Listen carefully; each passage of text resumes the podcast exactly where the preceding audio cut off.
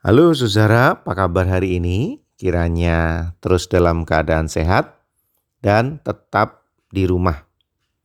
Saya bacakan Yohanes 6 ayat 24 sampai 26.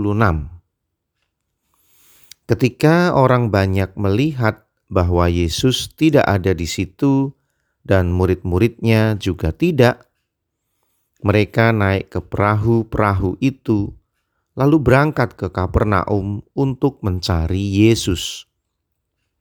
Ketika orang banyak menemukan Yesus di seberang laut itu, mereka berkata kepadanya, "Rabi, bila mana engkau tiba di sini?" Yesus menjawab mereka, "Aku berkata kepadamu, sesungguhnya kamu mencari Aku bukan karena kamu telah melihat tanda-tanda melainkan karena kamu telah makan roti itu dan kamu kenyang.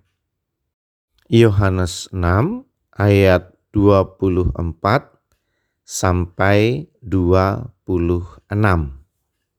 Jika memperhatikan kisah ini, mestinya Tuhan Yesus menghargai semangat orang-orang yang ingin bertemu dengan Dia semangat orang-orang yang berusaha sedemikian rupa untuk berjumpa bersama dengan dia.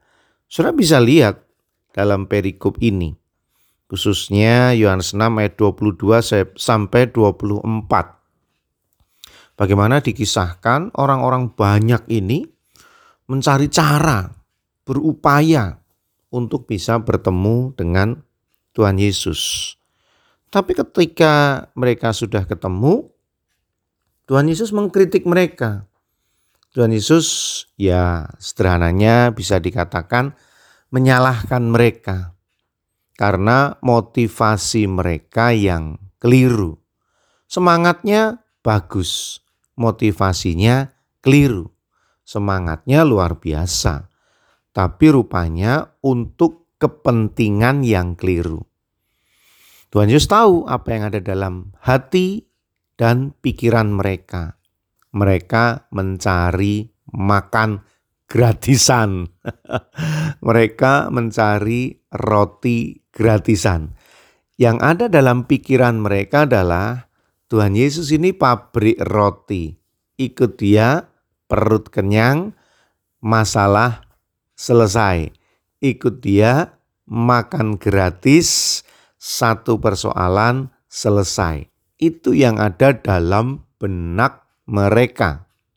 Artinya Tuhan Yesus ditempatkan sebagai pemenuhan kebutuhan. Yesus ditempatkan untuk memuaskan kepentingan pribadinya, dirinya sendiri. Fokusnya adalah untuk dirinya.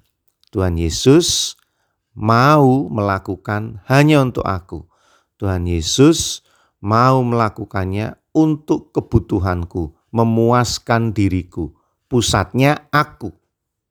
Pusatnya diri kita. Di sinilah letak persoalannya. Memang kalau dipikir-pikir akhirnya jadi rumit. Satu contoh misalkan. Apa salahnya ketika saya minta kepada Tuhan untuk memenuhi kebutuhan makan saya hari ini? Di mana letak masalahnya? Sekilas memang tidak nampak masalahnya. Pertanyaan selanjutnya hanya kita sendirilah yang mengetahuinya.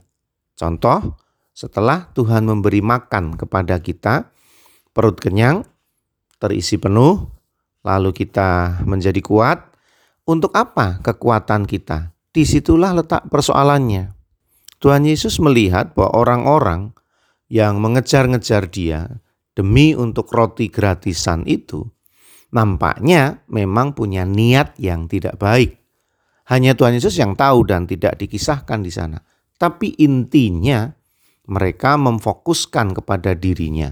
Saya bisa menduga mungkin orang-orang ini adalah orang-orang pengangguran, orang-orang yang malas, orang-orang yang selama ini hanya mengemis, orang-orang yang selama ini tidak mau bekerja keras.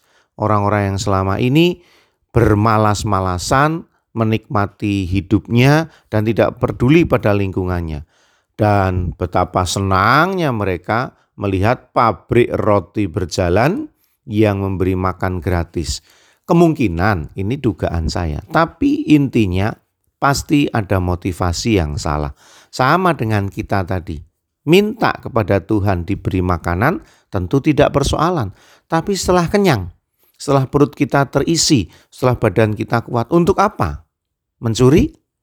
Untuk apa? Menyakiti orang lain? Untuk apa?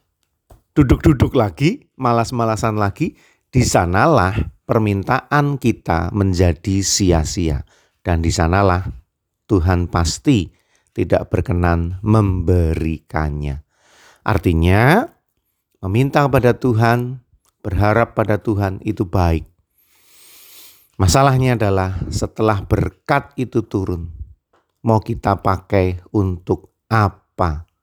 Apakah kita simpan untuk diri kita sendiri atau menjadi sumber berkat bagi sesama? Sehingga fokusnya bukan diri kita. Fokusnya tetap Tuhan, kita hanya saluran yang juga ikut merasakan nikmatnya. Kiranya kita memahami bahwa kita ini saluran berkat, bukan penghambat berkat, apalagi bukan penampung berkat. Kita boleh merasakan berkat Tuhan, tapi bagikan berkat itu. Mari kita merenungkannya, dan saya ingin berdoa untuk saudara-saudara. Tuhan kami berdoa untuk saudara-saudara kami yang saat ini sedang membutuhkan pertolongan. Mereka sangat berkekurangan. Mereka saat ini membutuhkan pertolongan karena harus dibebani dengan berbagai persoalan. Dan kami mendengar itu Tuhan, kami melihat itu, namun tidak banyak yang bisa kami lakukan kecuali kasih dan kuasamu. Pertolonganmu Tuhan, nyatakan kepada hidup mereka.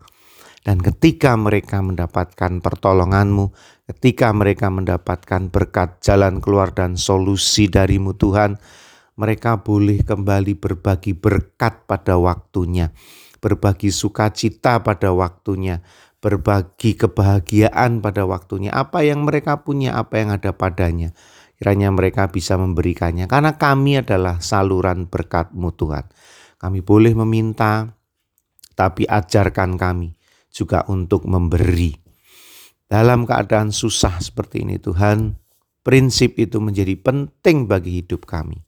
Ajar kami untuk berbagi berkat. Ini doa kami di dalam nama Tuhan Yesus Kristus. Amin. Bersama dengan saya Pendeta Yudi dalam renungan emas, esok masih ada solusi.